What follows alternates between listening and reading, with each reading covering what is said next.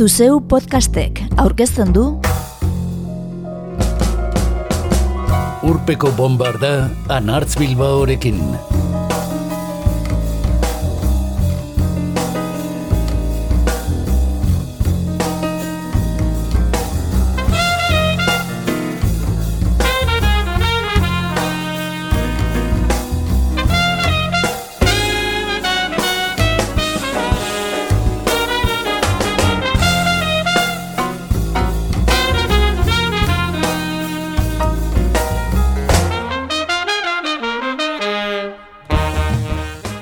Rude Boyen igoera eta erorketa.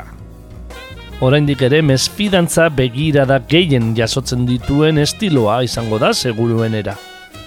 Estetika ezaguterraza. Bere buruarengan arrotasuna agertzen duena. Askotan gaizki ulertua izan den subkultura batentzako. Carles Viñas, historiolariak, mugimenduaren bizitza biurri eta kaletarra ekarri du Bellaterra etxeak plazaratu duen Skinheads liburura. Eta eldiario.es edabidean Ignacio Pato Lorentek aipatutako lanari buruz egindako erreportajeari esker, urpeko bombardak gaurko saiora dakartza eska, rocksteady, oi eta punk doinuak.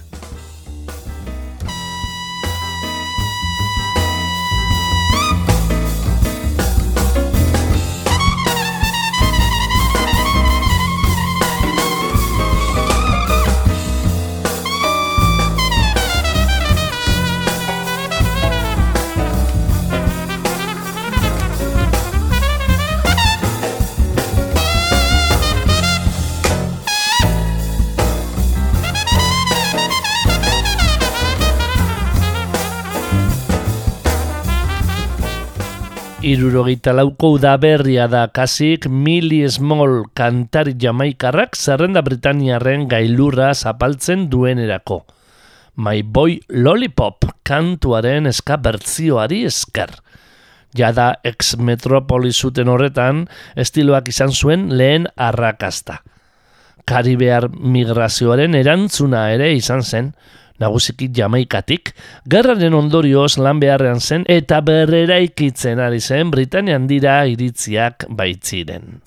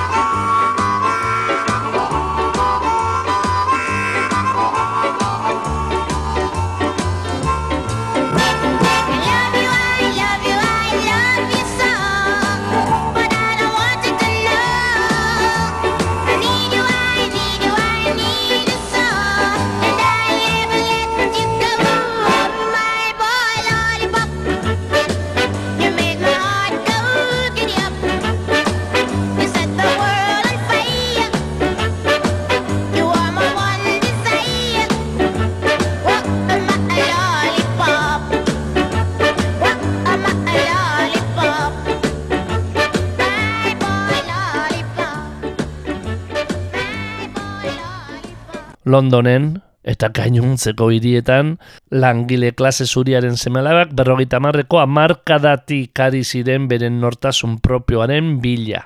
Talde homogeneo xamarraren barruan hori bai. Errespetua zorrarazi, helduen balioei uko egin eta gaua zen kaleak baliatu. Teddy Boy zirenek mot zirenei eman zieten lekukoa. Dotoreak, arroputzak, egoera zailetan ere bizitza aratza bezalako lelodunak. Eta My Boy Lollipop irrati guztietan jartzen azten direnean, austura bat izango dutenak. Alde batetik, bere koienak trendi motz bihurtuko dira. Bestetik, hipismo eta litismorako iesa gertatu dela uste dutenen erantzuna. Heart motz, langile klasearen baitan direla eta itxura gogortuko dutenak. Tetzekin alderatuta, motzek izan dute jamaikar getoaren ganako lilura, bandakide gogor eta misteriotzua izatearena. Rude boiarena. Carles Viñasek skinheads izeneko zaiak eran ikartu duen estiloa jaiotzear da. Get up in the morning slaving for bread, sir, so that every mouth can be fed. Oh, me Israelites. Get up in the morning, slaving for bread, sir, so that every mouth can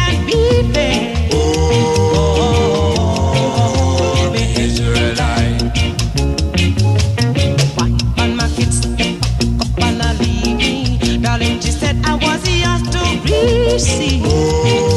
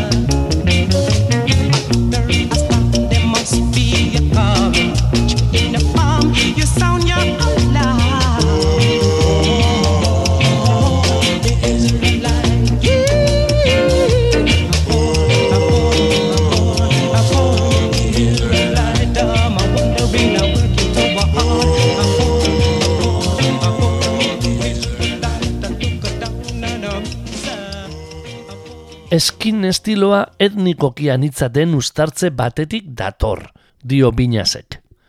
Jamaikatik eta inguruko irletatik zetorren jendeak soinu banda originala ekarri zuten. Estetika jakin bat eta ohitura zein izkera bat. Britaniar gazteek, beren aldetik, langile klaseen auzo espiritua. Ustartzea dantzaleku eta aretoetan ematen da. Elkarri eragiten diote. Lehen eskinak mila bederatzen derurogeita zazpi inguruan agertu ziren. Oraindik ez ziren horrela deitzen baina. Pinutzak ziren, hit edo lemon hitak, buruaren formagatik. Mila bederatzen derurogeita bederatzean, prentzak skinhead hitza erabili zuen arte. Patoiz jamaikarraren hitzak erabiltzeko joera zuten gazte horiek ezagun xamarrak ziren ordurako Britania handian. Londoneko kokneia erabiltzen zutenak. Dr. Martins botak eta Levis prakak jantzten zituztenak. Tirantedun alkondarak eta Harrington jakak. Bere bilakaera izan zuen estetika dugu. Ez badirudi ere, jarraitzen du binazek. Estilo originalak irurogeiko amarkadako jantziak darabiltza. Eta ilea motz, baina inoiz ez arradatua. Urrengo amarkada bukaeran ordea radikalizatu egiten da estetika. Kaskamotzak agertzen dira. Bota altuagoak. Legiaz kolore gabetutako galtzak eta bomber jakak.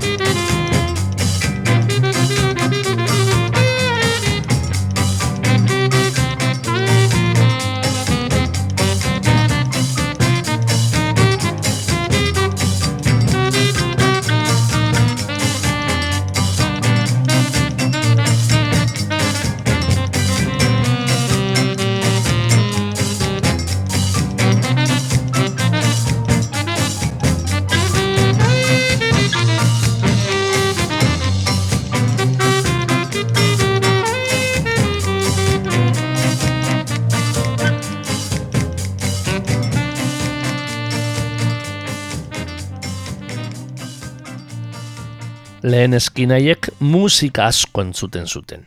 Desmond Decker, Laurel Aitken edo Sinarip. Azken hauen klasikoetako batek, Skinhead Monstomp, estiloaren dantza pausu ezagunena hartzen du haotan. Orpoen gainean biratu, zilargi gainean ibiltzaren itxurak egiten dituena. Bina zena buruz, musika da estiloaren zutabeetako bat, koesiorako elementu bat, eta erakarpenerako.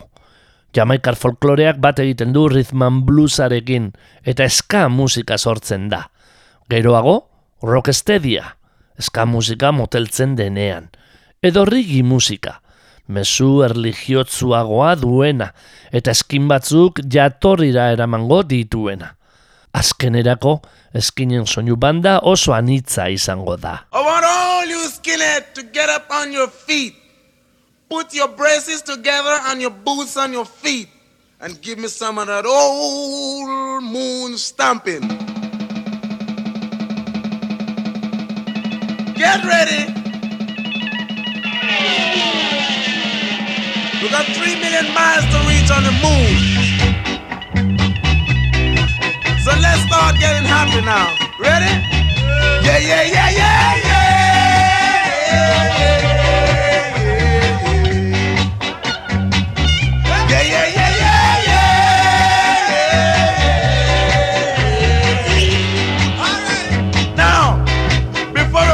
The moon, fellas, we gotta make sure that everything is spick and span. All right? You gotta make sure you're shining your boots. Brush your teeth because the man on the moon looking different from man on the earth. That's what I say, boy. Now remember, I'm your boss Skinhead speaking. My name is Caleb. All right. Right. And remember, I'm the boss. Can see, look on my foot or my feet, whatever you want to call it. You can see I've got the biggest boots. That's all right. Now, when I said sing, I want everybody to get in the groove and start singing because we're on the moon. Ready? One time.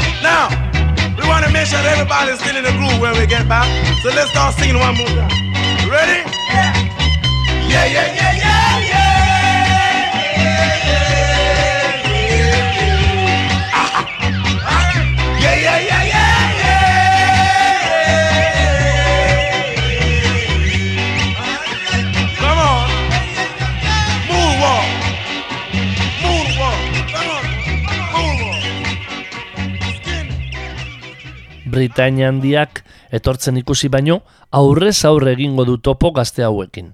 Ondamenaren belaunaldia deitu dutenaren gerraundoari aurre egitea lortu duenean.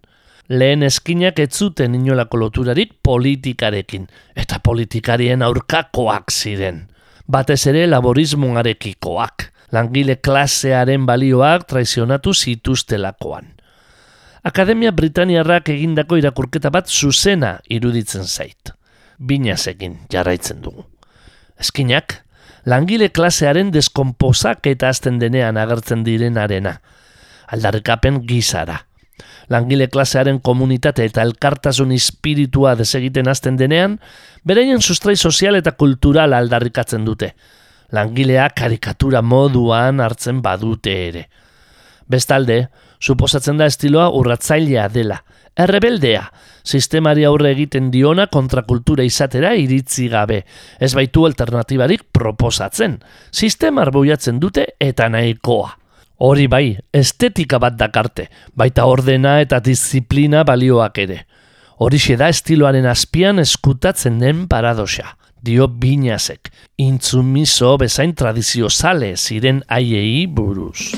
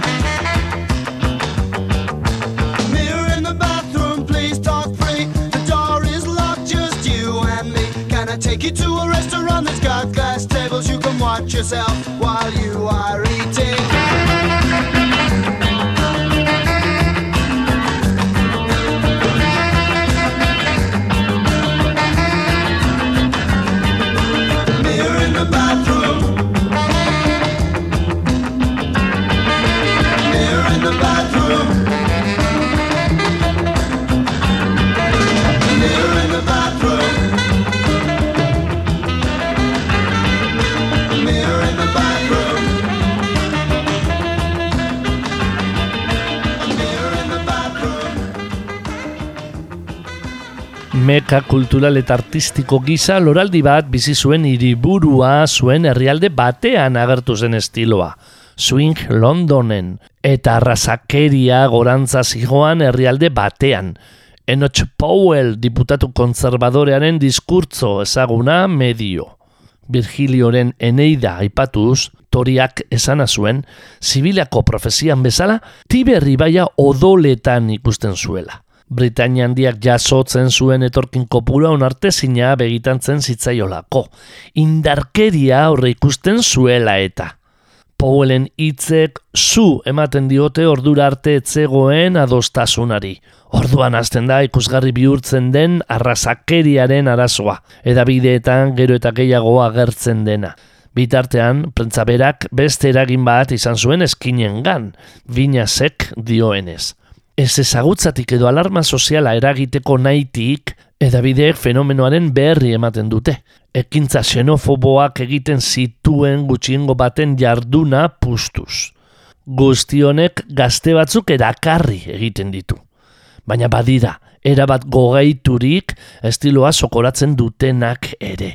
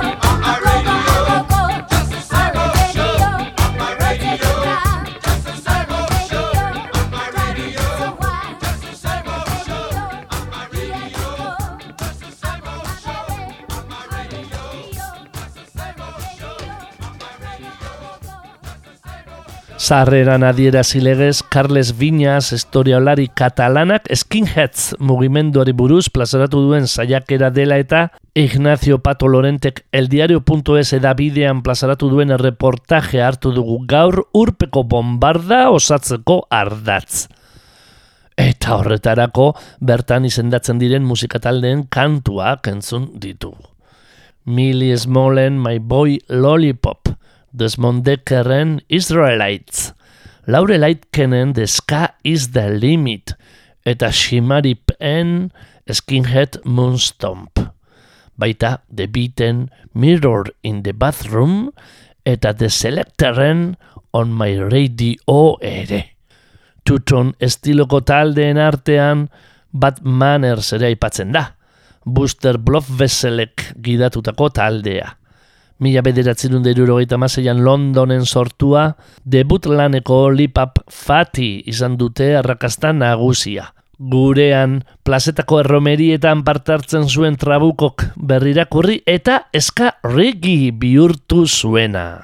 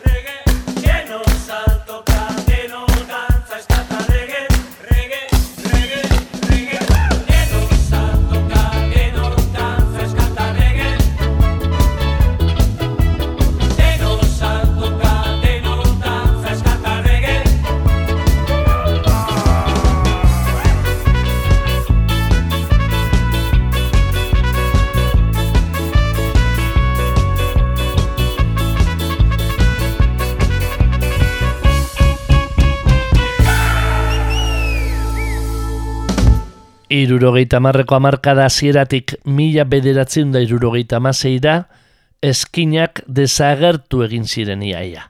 Orduan txeldu zen punka. Eta musika jamaikarraren revivala. Aurreko amarkadako taldeen bertzioak egiten zituzten talde Britaniarrei esker. Punkarekin naztuko zen guztionek, onenak emanda zegoen eskin estiloaren bizi berritze bat ekarri zuen. Iparraldeko hiri batzuetan, Midlandsetan edo Eskozian baino bizirauten ez zuen estiloarena. Bina zen aburuz. Eta futbol zelaietan ere agertu ziren berriro eskinak. Bi elementu azaltzen dute eskinen eta futbolaren arteko harremana. Batetik, Britaniar langile klasearen kirolik maiteena da. Eta bestetik, Ingalaterrak mila bederatzen zeiko munduko pa irabazi zuen, non eta etxean. Hau da, futbola bogan dago estiloa agertzen den garaian, historiolariak dioenez. Baina honakoan bada ezberdintasunik armailetan diren eskinen eta duela hamar urtekoen artean. Oraingoan bai, politizatuak daude. Eskuin muturrak bere alegin egin zuen gazte hauek bere ganatzeko. Eskerrak agertua baitzuen futbolaren ganako mespretsua. Gazteak alienatzen zituela eta. Horrek utzune bat sortu zuen, eskuin muturrak baliatu zuena, eta ordura arte zapaldu gabeak zituen tokietara eraman zuena, lehenengo futbol zelaietara, eta gero kontzertu aretoetara. Estadio batzuetan, gainera, arrakasta handia izan zuten. Chelsea, Millwall, West Ham, Leeds edo Birminghamen berbarako. National Fronteko gazterianen Bulldog aldizkariko zelkapenean, beraien artean lehiatzen ziren. Ea nor zen zalegorik arrazistena.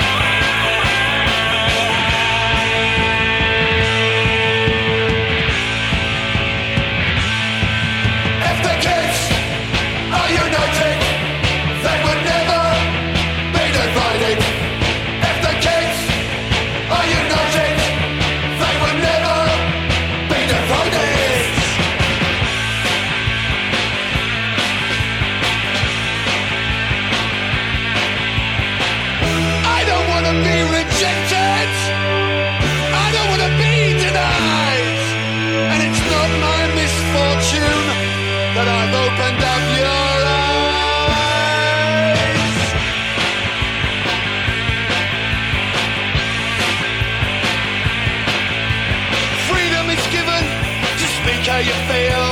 I have no freedom. How do you feel? They can lie to my face, but not to my heart. If we stand together, this will just be the start.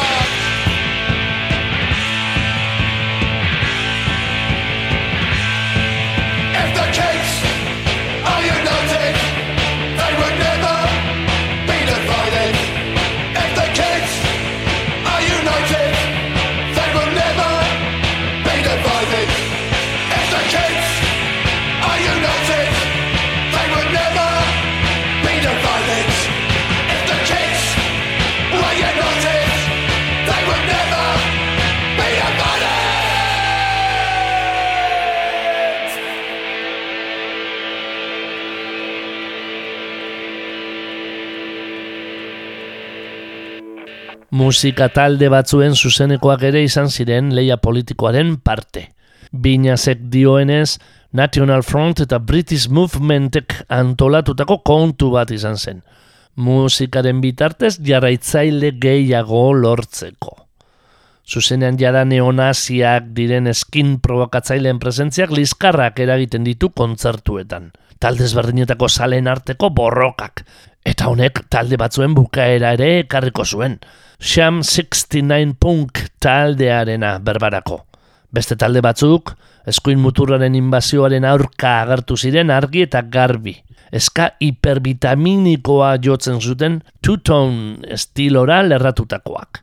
The Selector, Madness, The Beat, Bad Manners eta batez ere The Specials. Talde hauek, dio binazek, funtsezkoak izan ziren arrazakeriaren aurkako ikuspuntua zabaltzeko.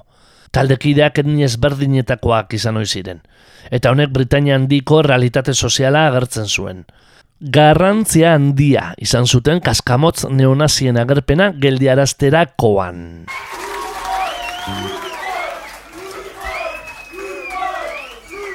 This one is for all the bouncers. Big monkey man.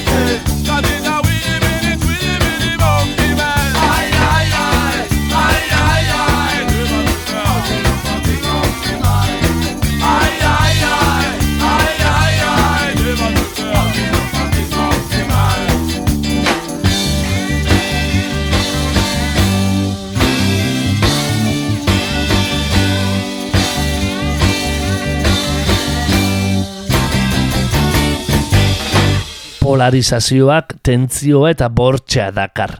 Eta honek mesede egiten dio estiloaren ezaugarrietako bati.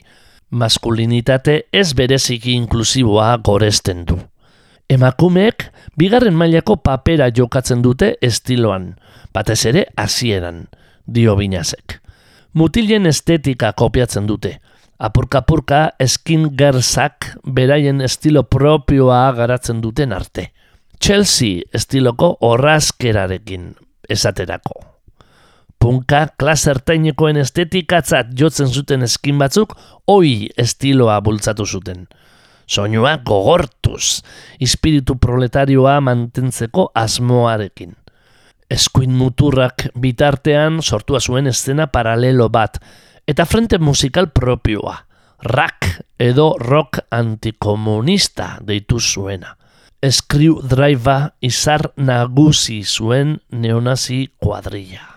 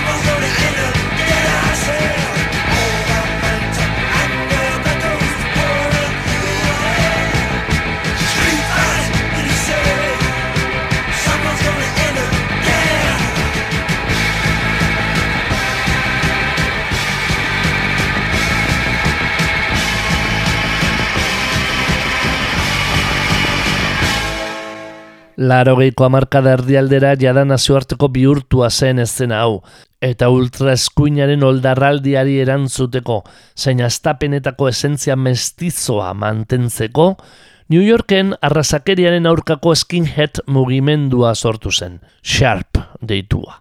Eta jakina, honetan ere zerikusi handia izan zuen musikak. Ameriketako estatu batuetara egindako bidaia baten ostean, Rodi Morenok, The Oppressed, oi talde galestarraren kantariak mugimendu berria ezagutzera eman zuen Europan.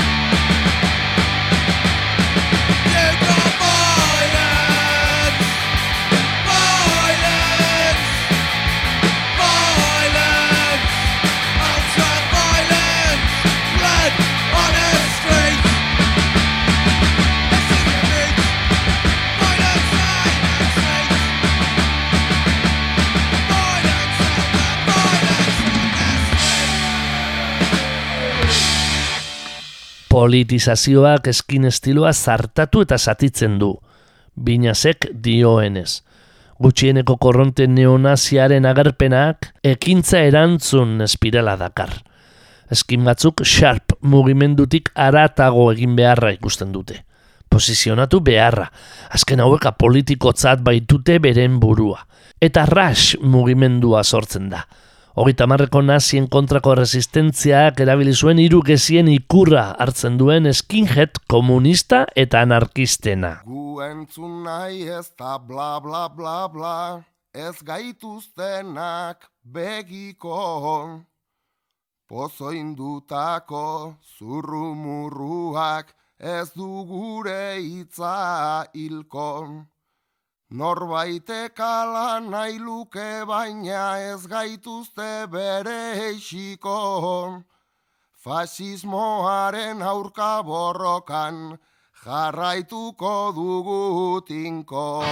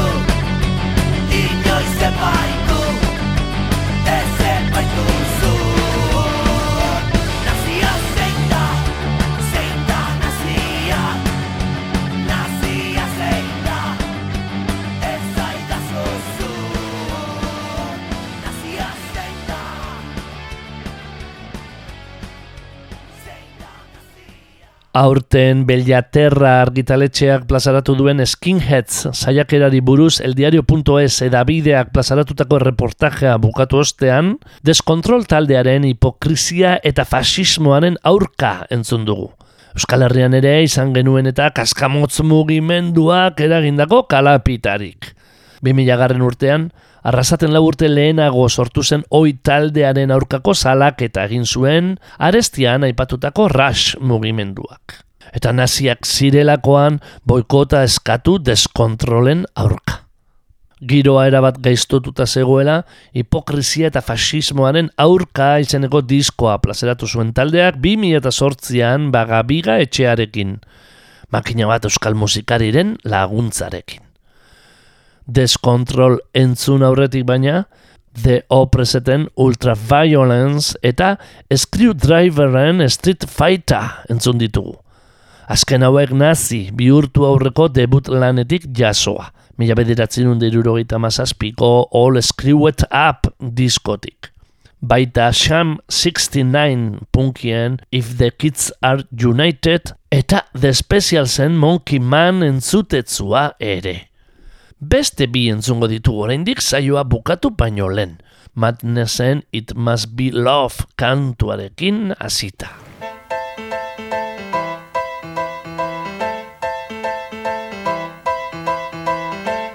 I never thought I'd miss you half as much as I do.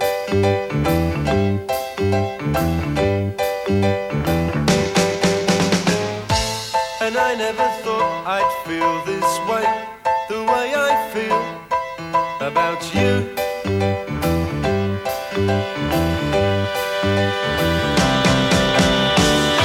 As soon as I wake up, every night, every day. I know that it's you I need to take the blues away.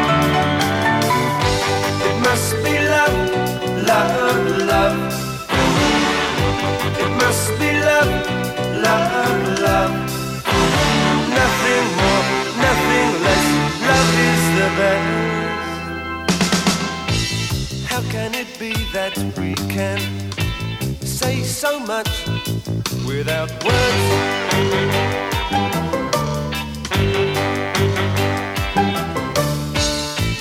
Bless you and bless me. Bless the bees and the birds.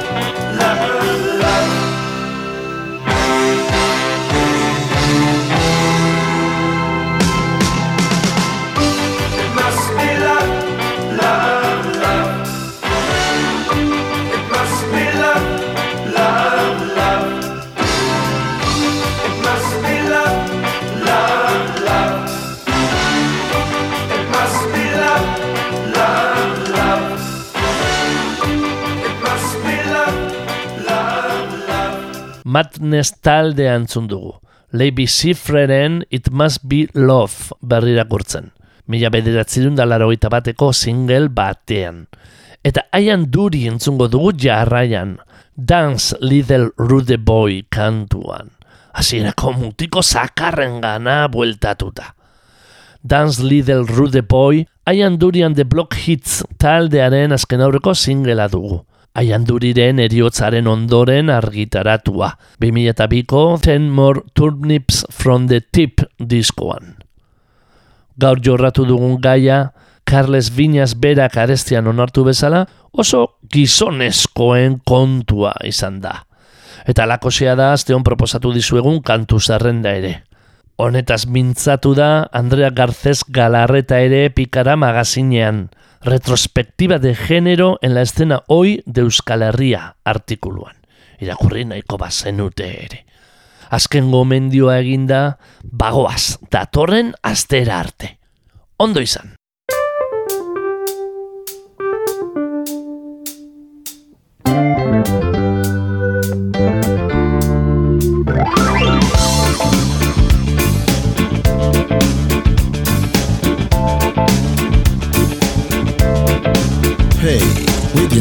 Threads and your nifty dreads and the Dagenham Royal swagger, with your tricky spiels and your Cuban heels and the face of a carpetbagger, with your sweet cologne and your mobile phone and the moves of a desperado, you will cut a Swede on your gangster's lead and an overdose of bravado. We see a double hip to the trippy tip and you're searching every quarter. You could throw more shapes than a jackanapes for someone's lovely daughter. So dance, little rude boy, dance. Dance, little rude boy, dance. Dance, little rude boy, dance. You've got to know something. Drive me to distraction. Drive me raving mad. Drive me to the action. Take me one more time. Drive me to the west wing.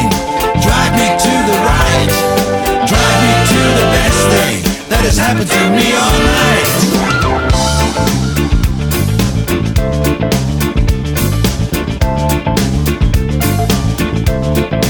Hey, you turned up trumps in your purple pumps and a little bit of made to measure. With your shiny frock and your yellow socks, you're addressing it to your pleasure. With a urchin crop and a skimpy top, you gotta have a good thing going. With your lazy grace and your crazy face, who cares if your slip is shine? Now we can see your hip to the mothership when you pop it to the north horizon.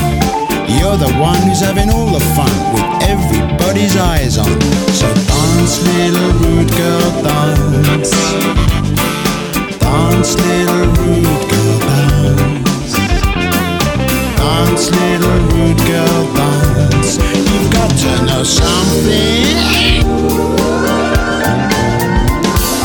Make me go bananas. Make me feel so right. Take me to Nirvana and leave me there all night. Make me hit the ceiling. Send me